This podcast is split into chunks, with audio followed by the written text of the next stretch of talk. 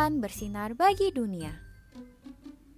Renungan tanggal 18 September untuk anak balita sampai kelas 1 SD. Tuhan memberikan kemampuan.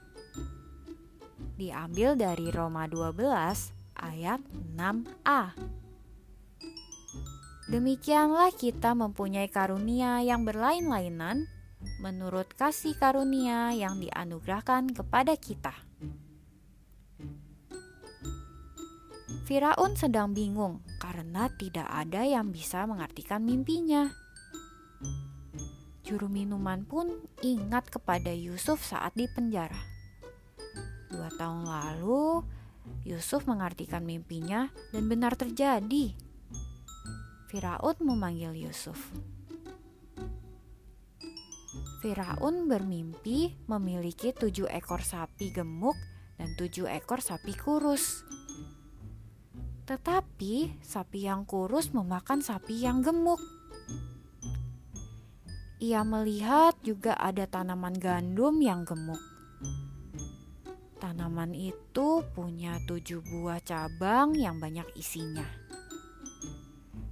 Namun, tidak lama gandumnya tertiup angin Isinya hilang semua.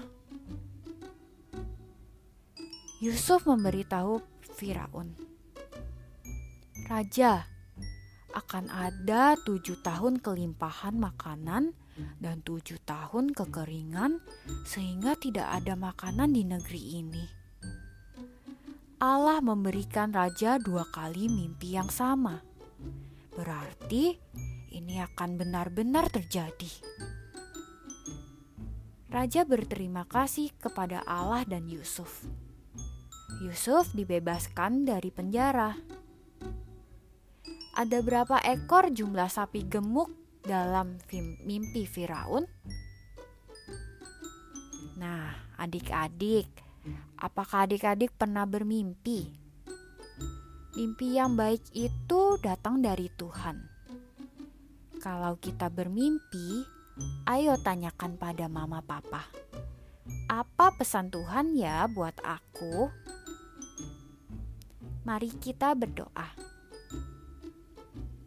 Tuhan Yesus, terima kasih Tuhan untuk mimpi yang Tuhan berikan kepadaku. Tolong aku untuk mengerti pesan Tuhan. Terima kasih Tuhan Yesus. Amin.